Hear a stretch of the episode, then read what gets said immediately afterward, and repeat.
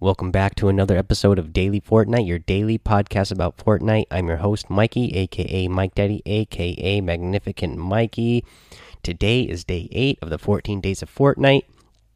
The snow is gone. It's no longer Christmas, so there is no longer snow all over the map. The map has gone to as it was previously uh, at season 7, where the snow is just over in the iceberg biome.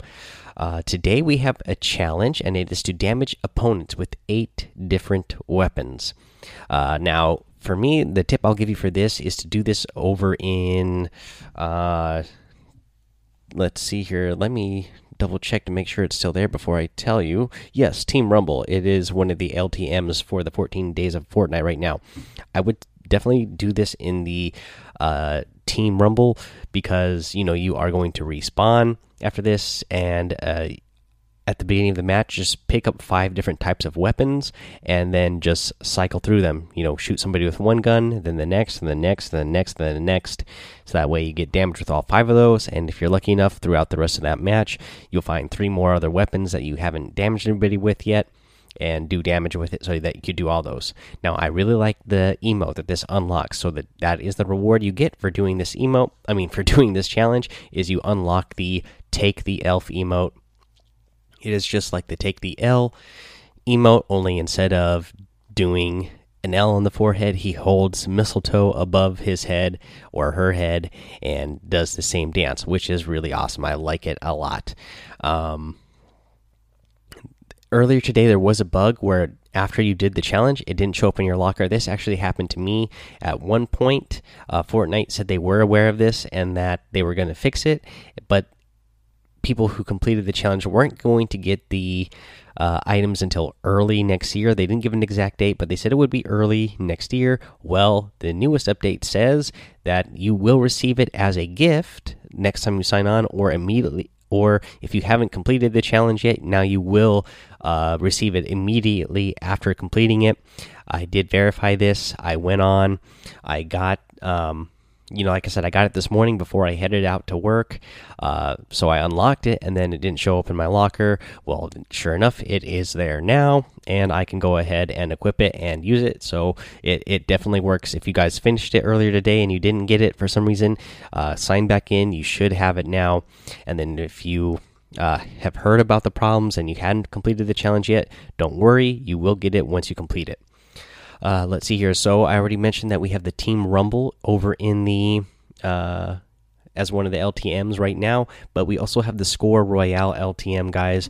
And if you don't remember, I'll give you the little description here for Score Royale. It is a brand new take on earning a victory royale. This mode rewards players who like to explore and search for loot. Earn points by collecting coins, opening loot containers, using forged items, and eliminating other players. Uh, the first to get to the winning score wins.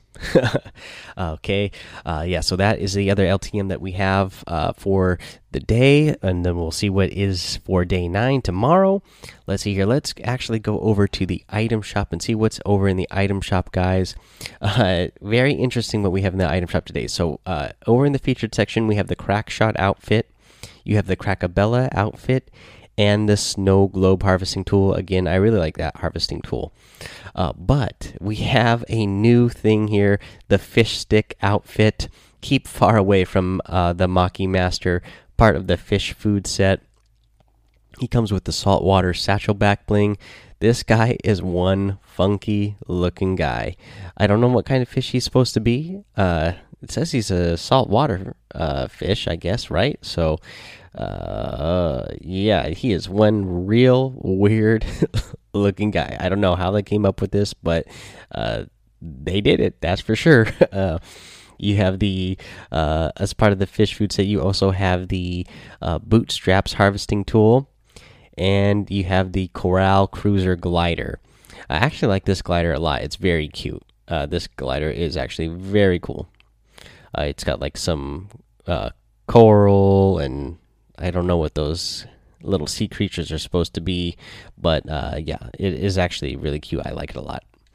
Okay, and then over in our daily items, we have the the star power emote. You get the Hyper the Hyperion outfit, the road trip glider, the brawler outfit, which I'm a big fan of, the uh, Plunger harvesting tool, and the Behold emote. And that is your item shop for today. Remember to use the creator code Mike Daddy M M M I K E D A D D Y. I really appreciate it if you do.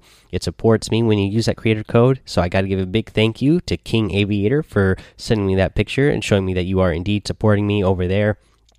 And another big shout out and thank you to Peter uh, H. Thank you so much for supporting me uh, in the uh, in the item shop here. But also thank you for the email you sent me. I'm glad. Uh, you know, I was really uh, happy to see the email you sent me. Uh, some nice, kind words you had to say. I also hope that this job will become a career one day, or as you said, you know, at least make it cut down so that I only have to work one other job instead of two jobs. Um, but also, thank you for supporting me directly through Anchor's listener support, guys. You know, I don't mention it very often here on the show very much. I know when I first uh, got it, I mentioned it a lot, but Peter H went ahead and he is actually supporting me through the listener support button that you guys can do as well. You know, you can do donate to the show as little as a dollar a month, five dollars a month, or ten dollars a month. Peter H is the new newest sign up here. He is uh, looked like he was on there at the five dollar month. So thank you so much for that. I really appreciate it. And uh, we're gonna go ahead and take a little ad break right here. Hey, it's Kaley Cuoco for Priceline. Ready to go to your happy place for a happy price? Well, why didn't you say so? Just download the Priceline app right now and save up to 60% on hotels. So, whether it's Cousin Kevin's Kazoo concert in Kansas City, go Kevin, or Becky's Bachelorette Bash in Bermuda, you never have to miss a trip ever again. So, download the Priceline app today. Your savings are waiting. Go to your happy place for a happy price. Go to your happy price, Priceline. Alrighty, guys, now let's go ahead and do a tip of the day. For the tip today, this is something I actually saw Sypher PK explain, and as you guys know, he's one of my favorite streamers. Uh, so if you guys aren't following him, definitely give him a follow. Uh, but when I saw this, I couldn't believe I hadn't actually thought of it or uh, to do this. Uh, but there's a couple different things that you can do here uh, that you can use uh, to your advantage that you can use in this strategy. So when you find yourself in a 1v1 situation, uh, what you can do is weaken the wall in front of you. Now, a lot of people already use the uh, use this uh, so that you could see through the wall a little bit to see where your opponent is better, but this is situational now if you have a burst assault rifle. Uh, now, weaken it, whatever wall is in front of you, whether it's wood, brick, or metal, get that thing down weak enough to where it's only going to take one shot to break through it. But if you have that burst assault rifle, it does three you know it fires three shots at once so that first bullet that hits it is going to break that wall and then your next bullets are going to go through and hit your opponent now again this is a great strategy because you you're you're going to know where your opponent is if they're standing on that other side of the wall from you because uh, you've already weakened the wall so you can partially see through it. Uh, so you're already going to know where to aim uh, and then once you hit it once with that first bullet, you know the next bullet's are going to hit because you're aimed right on your opponent and they're really close range, so they should hit. Uh, so yeah, definitely this is a, a strategy I would start using uh, for you guys. It especially works in early game when a lot of people don't have a lot of um, materials to build with to defend themselves once you break through a wall. Alrighty, guys, that is your tip for the day, and that is going to be the episode. So I just wanted to uh, encourage you to go over to the daily Fortnite Discord and join that so you can hang out with us over there in that little community that we got going on. I think uh, last time I checked, uh, adding them all up, I'm pretty sure we have like over 100 people in the Discord now, so I'm pretty happy about that. Uh, and uh, love to see that thing keep growing over there.